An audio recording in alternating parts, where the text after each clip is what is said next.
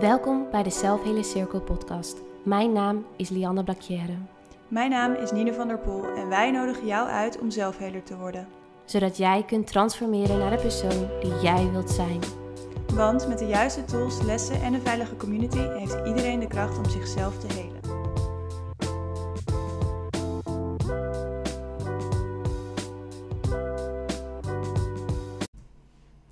Welkom bij weer een nieuwe aflevering van de Zelfheler Circle podcast. Hallo. Mijn naam is Nine en naast mij zit Lianne. Hallo lieve mensen. En we gaan vandaag in gesprek met Lianne, of ik ga in gesprek met Lianne eigenlijk. Mhm. Ehm, en zij is de founder en eigenaar van de Zelfheler Circle. Eh, ze is trauma-informed coach en ondersteunt al zes jaar lang cliënten in heling. eh, en heeft sindsdien op allerlei vlakken doorontwikkeld. Eh, en in deze podcast ga je haar beter leren kennen. Ja, superleuk. Ik ben heel erg benieuwd. Ja, spannend hè? Welke vragen heb ik voorbereid voor jou? Ja. Ik ben heel erg benieuwd. Ik heb er zin in. Ja, Laten we lekker eh, er diep in gaan duiken. ja hetzelfde. Ehm, nou ja, ik denk goed om te beginnen met, ja, hoe zit je hier? Hoe voel jij je op dit moment? Hmm, mooie vraag. Ehm, rustig wel. Ja, gegrond. Voor iedereen die nu luistert, een visueel beeld. We zitten aan de keukentafel in een huis in, Madeira, of op Madeira. En we zijn hier nu al samen twee weekjes. En deze twee weken, of anderhalve week, rusten en tot mezelf komen hebben mij heel goed gedaan. Dus ja, ik voel me heel eh, gegrond, heel rustig ehm, en excited eigenlijk voor deze podcast, maar eigenlijk ook voor alles wat we doen met de zelfhelers. Het wordt eh, echt, het wordt werkelijkheid. En eh, het voelt alsof er een soort van een kindje op de wereld komt nu. Ehm, dus ja, ik, ehm, ik zit hier heel, ehm, ja, heel fijn. Ja, Mooi, dat is heel fijn om te horen. ja, Goed moment voor een podcast dan. toch? Ja, zeker. En ja, om maar meteen de diepte in te duiken. Wat is jouw grootste struggle op dit moment? Hmm, Weer zo'n mooie vraag.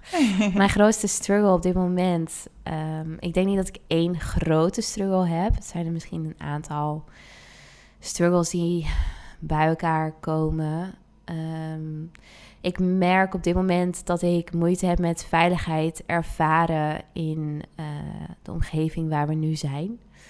Ehm, veiligheid ervaren in mezelf en die rust creëren voor mezelf ook. Ehm, dat komt omdat er afgelopen zaterdag iets heel naars is gebeurd. Ehm, iemand heeft mij aangeraakt zonder ja, dat ik daar ja, bewust van was. Ja, hoe kan je dat noemen? Bijna aanranding eigenlijk. En dat is vroeger in mijn verleden wel vaker gebeurd als echt seksueel misbruik. Dus dat heeft me intens getriggerd. Dus mijn struggle op dit moment ligt heel erg weer in die veiligheid vinden in mezelf. En weer tot mezelf komen daarin. En ook deze omgeving weer veilig maken. En dat resulteert erin dat ik daar ja, toch weer alerter in ben. En dat is op het moment, ik weet niet, als je als luisteraar zelf misschien zoiets hebt meegemaakt of seksueel misbruik hebt meegemaakt, is dat iets waar je altijd een beetje alert op bent. En ehm, je altijd wat alerter voelt ook op bepaalde momenten. En ja, daar struggle ik op dit moment een beetje mee. Mhm. En daarnaast ook een, een deel balans vinden tussen eh, mijn privéleven en mijn werkleven. Omdat het soms nogal eh, verwikkeld zit in elkaar. En dat, is, dat maakt mijn werk ook heel erg leuk. Het is mijn passie, het is mijn levensdoel. Maar het is ook soms wel uitdagend om mezelf heel even soort van los te weken van werk. En mezelf te herinneren dat ik ook iemand anders ben dan coach, dan de therapeut, dan de leider of de mentor voor vele mensen. En altijd aan te staan voor anderen. Ehm, en ook aan te mogen staan voor mezelf. Mooi. Ja. En nog even terug, of terughakend, is dit een woord? op, eh, op het eerste gedeelte wat jij vertelde. Ehm, wat kan ik doen en wat kan jouw omgeving doen op het moment dat jij onveiligheid ervaart? Hmm. Ja, dat is eigenlijk er gewoon zijn. Ehm, in mijn beleving is aanwezigheid en aanwezig zijn voor iemand en voor mezelf dus ook, ehm, die zich onveilig voelt, het meest belangrijke. En ook oprechte aandacht, oprechte vragen. Op het moment dat je al een beetje ziet dat iemand of ja, weglipt of wat stiller wordt of, of juist heel um, opspringerig. dat kan mhm. natuurlijk ook gebeuren dat je even naast diegene gaat staan en altijd vragen: mag ik je even aanraken? Of ehm, wat heb je van me nodig? Waar heb je behoefte aan? Kan ik iets voor je betekenen hierin? Heb je even tijd voor jezelf nodig? Of wil je even alleen zijn? Of wil je alleen samen zijn? Dat kan soms wel heel erg helpen. Mhm. En oprechte aandacht.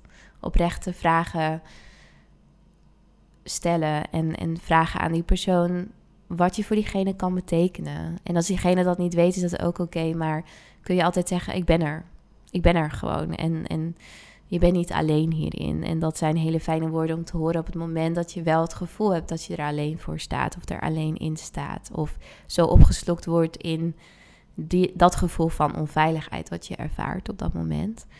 Ehm, en dat heeft mij in heling ook heel erg geholpen, was die oprechte aandacht van mijn omgeving. Of dat ik mijn verhaal gewoon even kwijt kon op de momenten dat ik daar behoefte aan had. En niet rekening houden met de andere persoon of diegene daar op dat moment. Uh, hè, soms heb je ook wel eens dat mensen heel graag willen dat je erover praat, zodat die andere persoon het kan begrijpen. Maar voor mij was het heel erg belangrijk dat ik erover kon praten en over kan praten op het moment dat ik het nodig heb, zonder rekening te houden dat iemand anders daar misschien ook iets aan heeft. Mhm. Ja. Ja, en het ook daar dus naar kunnen vragen. Ja. Wanneer je, wanneer je iets van de ander verlangt en nodig hebt. Ja, en het, het is ook natuurlijk in dit werk zo, of in, in dit helingproces van zo'n heftig trauma, is dat je weet soms zelf, zelf weet je soms ook niet helemaal 100% wat de fuck je nou eigenlijk nodig hebt. Mhm. Ehm, of wat je nodig hebt van die andere persoon. En dat uitspreken, en dat is ook een tip voor iedereen die dit luistert, op het moment dat je vastloopt in bepaalde traumasymptomen, is spreek het uit dat je eigenlijk helemaal niet weet wat je nodig hebt. Nee. Maar dat je het heel fijn vindt dat die persoon er misschien wel is. En als je het niet fijn vindt dat die persoon er is, dan mag je dat ook vertellen. Nee, um, precies. En het komt vaak op een later moment. Merk je ineens dat het, dat het duidelijker wordt voor jezelf toch ook. Mhm, mhm. Waar je behoefte ligt. Mhm. Van de andere persoon. Ja, dat weet ik nu wel. Natuurlijk, na al die jaren kan ik dat nu wel veel beter inzien.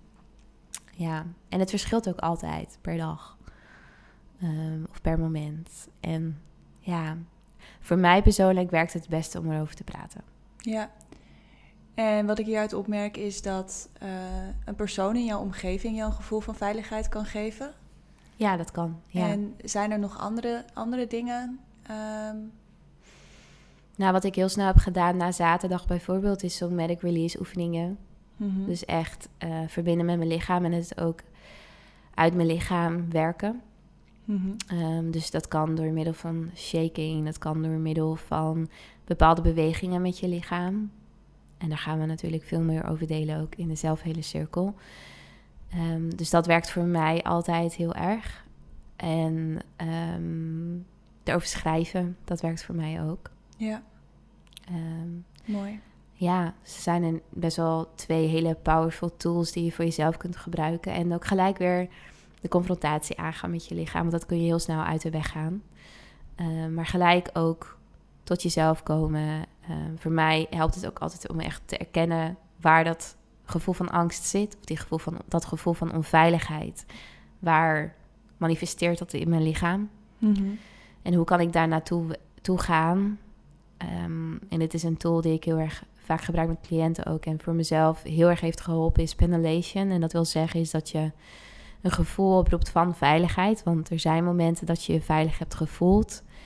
Um, dus ik ga dan naar, gevoel, naar een gevoel in mezelf waarvan ik weet dat veiligheid zit en manifesteert in mijn lichaam. En dat is in mijn hart altijd. Mm In mijn hart voel ik altijd veiligheid.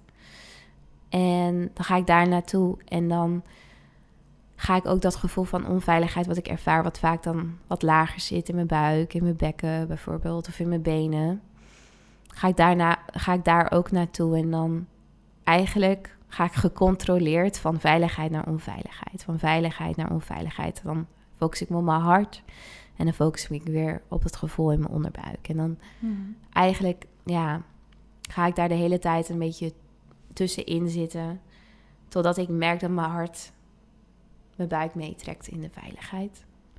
Ehm, dit is een hele snelle, snelle uitleg. ehm, maar dat is wat voor mij ook altijd heel erg helpt. Om het ook echt eh, dus fysiek veilig te stellen. Want het wordt natuurlijk opgeslagen allemaal in je zenuwstelsel. Ja, Ja, mooie tools. ja. Waar je inderdaad heel veel aan kunt hebben. Ehm, ik hoor direct heel veel kennis ehm, vanuit jou. En ik ben dan ook wel benieuwd, wanneer in, je, wanneer in je leven kwam jij voor het eerst in aanraking met zelfheling? Ehm, dat is geweest toen ik werd gediagnosticeerd met een eetstoornis. En ik denk dat ik ongeveer 14 was toen. En daar kwam ik in aanraking met psychologen, psychiaters, therapeuten. ehm, en ook met zoveel verschillende manieren van zelf, ja, zelfbewustzijn eigenlijk. Maar op dat moment stond ik daar helemaal niet voor open. Ik was natuurlijk ja, 14 jaar, 13 jaar. Je bent super jong. En ja, ik deed wel wat. Ik, ik had gesprekken met een psycholoog en ik vond haar toen best wel interessant. en haar kennis vond ik ook heel interessant. Maar ik vond het toen heel erg moeilijk om dat te internaliseren. Totdat ik op een punt kwam in mijn, ehm, ja, in mijn heling van een eetprobleem. Dat ik gewoon echt niet meer. Mijn lichaam kon gewoon echt niet meer verder. Ik was echt super depressief. En heel down. En op een gegeven moment heb ik toen een zelfmoordpoging gedaan. En toen werd mij de vraag gesteld van oké, of je wordt opgenomen nu. Dus je wordt letterlijk uit huis gezet. Of ja, je gaat laten zien dat je echt iets gaat maken van jezelf, van je leven. Of stappen gaat zetten. En toen, toen voelde ik zo'n inner vuurtje. Zo van oké, maar oké, fuck. Ik ben echt verantwoordelijk voor, voor mijn leven, voor wat ik doe en wat ik wil. Ehm, en ik geloofde ook niet dat ik, wat ik eigenlijk allemaal aan het doen was. En als ik daarop terugkijk, was het een heel raar gevoel. Maar ik, ik geloofde heel erg dat ik dat niet was. En dat heeft me heel erg geholpen in die periode van... jij bent het niet, Lianne. Dit is een symptoom op iets. Of dit is gewoon iets wat, wat je doet... omdat je gewoon niet weet wat je anders moet doen... met al die gevoelens en emoties en die trauma's... die je soort opgeslagen in jou. Dat is wat ik nu zeg tegen mijn kind. Toen niet hoor. Toen dacht ik echt, wat is er met me aan de hand? En ik ben dit niet, waarom doe ik dit? Ehm, en toen Het had een aantal jaar nodig. het had even een aantal jaartjes nodig. Ehm, maar ik zat toen echt al drie keer in de week in therapie. En dat vond ik wel heel interessant. En daar deed ik echt aan mee. Ehm, dus daar, daar is het gewoon gaan groeien vanaf mijn dertiende. En toen met die... ehm, ja, met dat, met dat omslagpunt ben ik dus heel veel gaan lezen. En, en Brené Brown was voor mij heel, een heel grote ja, eerste stap in het zelfbewustzijn creëren. De eerste stap was Eckhart Tolle. Dat is wel een leuk verhaal. Ik liep toen in de bibliotheek. De bibliotheek was mijn veilige haven. En ik, was dus, ik zat in zo'n zwaar donker hol eigenlijk op dat moment. En toen viel letterlijk Eckhart Tolle, dat boek, viel uit de, ehm, uit de boeken, hoe zeg je dat, boekenkast. En eh, zo voor mijn voeten. Toen ben ik dat gaan lezen. Heb ik in één middag of twee middagen uitgelezen. En toen dacht ik, oh my god, oké. dus dit is gewoon ook hoe het kan. En dit is hoe ik werk. En hier kan ik iets mee. En toen ben ik zoveel boeken gaan lezen en blogs gaan lezen. En ja, ik denk dat ik toen ongeveer 17, 18 was of zo. Ja, Mooi, we zullen de boeken die jij nu noemt ook in de show notes zetten. ja zeker. Ja, Ja, het is heel leuk. Ja, misschien de twee, drie boeken die jou... eh, Het meest aanspraken toen. Ja, in, Ja. Die, in die tijd. Ja, hoe is het je uiteindelijk gelukt om, om ja, alles wat je hebt meegemaakt te overwinnen? En je hebt er al een beetje over gedeeld. Ja. Ik denk dat heel veel mensen zich niet realiseren dat ik natuurlijk al... Ik ben nu 28, dus ik doe dit werk nu al 10 jaar met mezelf. Misschien langer zelfs. Dus het is... Het, wat ik zie in heling... En ik zie nooit echt iets als overwinnen. Want je overwint het niet, want het gaat niet zomaar weg. Ik, gel- ik geloof altijd dat als je iets overwint... dan geloof je ook dat het compleet weggaat. Maar je overwint iets niet, je heelt iets. En dat wil zeggen is dat heling is eigenlijk een continuïteit in je leven. wat, waar, en daar bedoel ik mee dat het erkennen van alle delen in mezelf, en dat heeft me zo, ja, dat is nog steeds een continuïteit in mijn leven dat ik daarmee bezig ben. Dus ik geloof niet dat ik alle trauma, traumatische ervaringen in mijn leven heb overwonnen. Ik geloof dat ik daar nog steeds aandacht aan moet geven in het nu. En dat die nog steeds aandacht ook vragen van mij in het nu. En ja, daar, daar heb ik zoveel verschillende dingen voor gedaan. En dat is heel veel, zeg maar, mijn, mijn kern van mens zijn is heel erg dat ik nieuwsgierig ben. Dus voor mij werkt het persoonlijk heel erg om te begrijpen hoe een mens werkt, begrijpen hoe mijn zenuwstelsel werkt, begrijpen wat gebeurtenissen van je verleden hebben kunnen doen. Voor mij heeft het geholpen om daar heel veel over te lezen en te leren en heel veel cursussen te volgen en heel erg te investeren in goede therapeuten en coaches en over de hele wereld.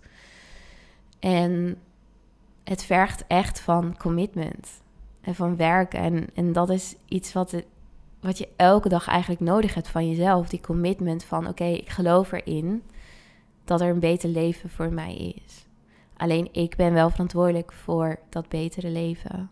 En ik ben wel verantwoordelijk voor, niet voor hetgene wat mij ooit is aangedaan. Ik ben niet verantwoordelijk voor de keuzes die mijn ouders hebben gemaakt. Ik ben niet verantwoordelijk voor hoe ik ben behandeld vroeger als kind of als, als tiener. Of zelfs als, weet ik veel, twee jaar geleden was ik niet verantwoordelijk voor hoe iemand mij behandelde. Maar ik ben wel verantwoordelijk hoe ik daar nu mee omga. En dat heeft er voor mij heel erg voor gezorgd dat ik dus echt die touwtjes in handen ging nemen. Van oké, wat werkt wel voor mij, wat werkt niet voor mij. En dat is bijvoorbeeld een, een voorbeeld is dat ik toen ik 17, 18 was en nog in therapie was bij een GGZ, dat ik daar gewoon mee stopte, omdat het niet werkte. Ik, ik had geen klik met die therapeut, ik had geen klik met die hele GGZ-instelling. Het voelde niet goed en ben ik gewoon naar een spirituele coach gegaan. Dat is, dat is gewoon letterlijk de verantwoordelijkheid nemen voor jouw leven, voor jouw herstel. Zoeken naar dingen die wel werken, zoeken naar nieuwe ja, manieren van heling en dat maakt heling misschien ook best wel onoverzichtelijk is, omdat er zoveel is.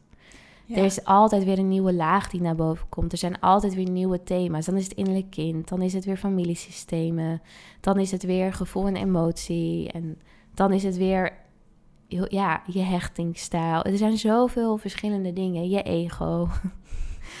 er is zoveel. En dat is misschien ook wel een tip voor de persoon die dit heeft gevraagd. Want dit was een kijkersvraag, toch? Ja. Um, ja, focus je op één ding. Ga niet alles in één keer aanpakken. Voor mij was het heel erg fijn om een, half jaar te focussen op alleen dat innerlijk kindwerk. En een half jaar te focussen op alleen maar leren om meer grenzen te stellen. Of de familiesystemen te gebruiken, te, te begrijpen. En, en die ook ja, te veranderen in mijn leven. Um, ja. Ja, en er is ook geen magische pil Nee, dat is soms ook wel waar ik heel erg naar op zoek was vroeger hoor. Dat ik echt dacht, oké, is er iemand die mij kan helpen nu? Is er iemand die mij kan redden hieruit?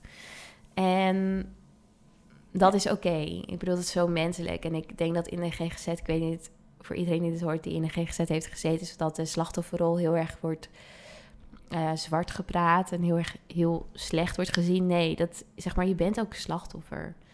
Op het moment dat er iets is gebeurd in je leven ook al zeg je nu, ja, maar ja, ik heb een fijne jeugd gehad, maar ik heb bijvoorbeeld, ik voelde me wel genegeerd door mijn ouders soms, of ik voelde me niet gezien, ja, dan ben je een slachtoffer van dat gedrag.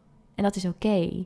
En pas op het moment dat je dat gaat omarmen en dat gaat erkennen van jezelf, dat dat pijnlijk was, dat je daar slachtoffer van bent geweest, dat je daar compassie naar kan sturen, naar dat deel in jou, hè, want we hebben allemaal verschillende delen in ons, dan kan je gaan helen. Ja.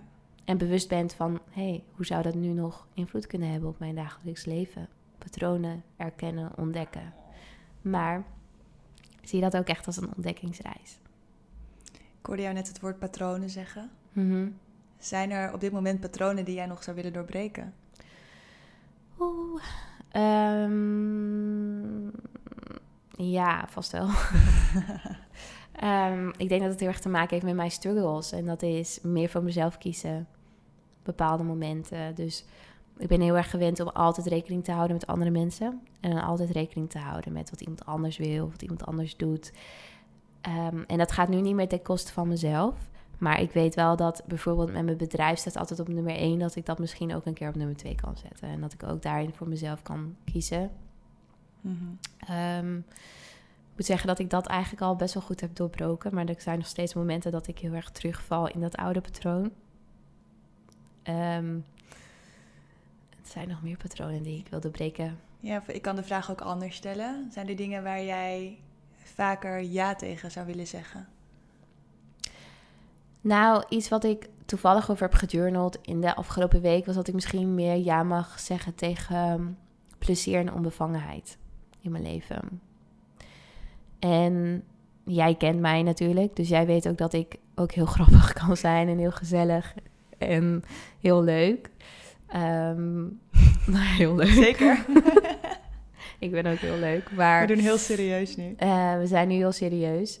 Maar ja, dat ik dat misschien in mijn dagelijks leven. Um, want ik kan het op het moment dat ik bijvoorbeeld straks weer thuis ben en ik weer heel veel sessies heb, dan kan ik heel erg in dat serieuze blijven vasthangen. En heel erg in dat patroon van oké, ja, cliënten zijn heel erg belangrijk, daar moet ik me op focussen. En op de kennis die ik wil, nog meer wil leren. Um, maar mijn patroon is dus ook dat ik, ja, dat ik, dat ik dat als belangrijkste ga zien. Terwijl ja, er zijn meer dingen in het leven belangrijk. Mhm. Dus ja, mezelf misschien ontwikkelen op andere vlakken. Ja. Mooi. Ja. En ik zit even te kijken. Ik denk dat we nog tijd hebben voor een aantal vragen. Ehm, is er, hele andere vraag hoor, maar is er, is er iets wat, wat mensen verbaast wanneer ze, wanneer ze dit over jou te weten komen? Hmm. Nou, wat ik wel vaak hoor is dat als iemand mijn hele verhaal, van zeg maar mijn hele levensverhaal, dat hebben we hier natuurlijk niet verteld en dat hoeft ook niet. Dat, kom, dat komt wel naarmate we meer podcast opnemen.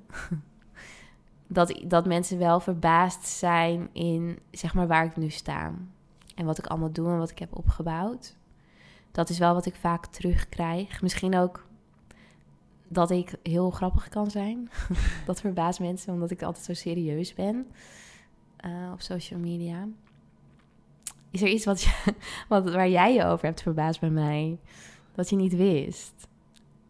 Uh, ja, hier hebben we het over gehad. Ja, toch? Um, ja, grappig. Ik heb jou dus leren kennen. Juist die hele andere kant van jou heb ik in eerste instantie leren kennen. Dat was bij uh, de Vondel Gym, toen ik daar werkte. Toen zat je daar altijd aan de balie. En toen konden we zo hard lachen altijd met ja, z'n tweeën. Die onbevangenheid. Dus ik heb juist die onbevangen Lianne eerst leren kennen. Oh, Voordat ik in aanraking kwam met met de serieuze Lianne, met, met, met haar verhaal en wat je allemaal op social media deelt. Ja. Dus voor mij kwam het andersom. Ja. Dat is eigenlijk wel heel leuk. Dat is wel heel leuk. Ja. Ja. Ja, het kan natuurlijk twee kanten opwerken. Mhm. Ja, als, me, als me iemand mij niet kent van social media, dan als ik dan vertel wat ik doe of hoe ik het doe, dan zie ik echt mensen, oh, wow, oké. ja, ja. Leuk, ik ga een laatste vraag stellen, dan ga ik hem daarna afsluiten. Ja. Wat waardeer jij het meest in mij als persoon? Oh, wat een leuke vraag. Um, dan ga ik ook terugstellen in de volgende podcast hè, over jou. oh, wat waardeer ik het meest in jou, jou als persoon? Je, de ruimte die jij kan geven. Op het moment dat ik ergens mee zit, of op het moment dat ik me verdrietig voel, of dat ik heel veel voel, veel zwaarte voel, dat er een onvoorwaardelijke ruimte is die je mij geeft om te delen of om niet te delen. Dat, dat maakt dan allemaal niet uit. Ik hoef het niet eens te vertellen. Ik hoef er niet ja, in allemaal woorden uit te leggen wat er is, maar dat, het er, dat je er gewoon bent. Um, dus je bent er altijd en je bent er onvoorwaardelijk en ook 100%. En dat waardeer ik echt heel erg. Um, en dat, dat lijkt voor mij bijna ook heel organisch te gaan. En dat is ook heel erg fijn om te zien en te merken. En het is ook iets wat voor mij ook heel organisch is of zo. Of dat het gewoon iets is waar ik dan van uitga. Dus dat is ook wel mooi om uit te spreken van... hé, hey, dat waardeer ik wel heel erg. Want ja, dat heeft ook niet iedereen om zich heen. Dus dat waardeer ik heel erg in jou. En ook het feit dat je zo 100% achter de zelfhele cirkel bent gaan staan vanaf dag 1. Gewoon vanaf het moment dat ik hierover deelde, dat jij echt zei: Wauw, oké, vet. Ehm, en dat er eigenlijk nooit een moment is geweest dat je echt hebt uitgesproken: Oké, ik ga hier onderdeel van nemen of van zijn. Je bent het gewoon gaan doen. En dat waardeer ik ook heel erg. Ehm, die onvoorwaardelijke steun in alles wat ik doe. Soms de spiegel die je me ook voor, uh, voorzet. Die ik ook echt wel nodig heb op momenten. Ehm, en het feit dat je ook ontzettend hard gelooft in alles wat ik doe. Dat is best wel veel, hè? Ja, dat is heel veel. Dankjewel voor het delen. Ik word er helemaal verlegen van. Nou. En ik ben nu in staat om direct ook te delen wat, wat jij voor mij betekent. Neem het maar tot je. Zeg maar dankjewel. Dankjewel. um, dat komt in de volgende podcast wel. Ja. Want dit was het voor nu. Het gesprek met Lianne. Uh, als je nog vragen voor haar hebt, stel ze dan in onze DM van de Zelfheler Circle. En uh, in de volgende podcast, uh, jullie hebben het al gehoord, gaat Lianne mij interviewen. Uh, dus ik ben heel benieuwd wat voor vragen jij voor mij hebt bedacht of ja. gaat bedenken. Ik ook. En um, ja, dat was het. Super leuk dat je er was. Dankjewel voor het luisteren.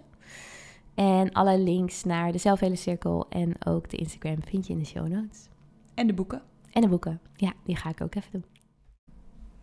Bedankt dat je er was. Vond je dit een leuk gesprek? Abonneer je dan op deze podcast en je bent als eerste op de hoogte wanneer er een nieuwe aflevering online staat.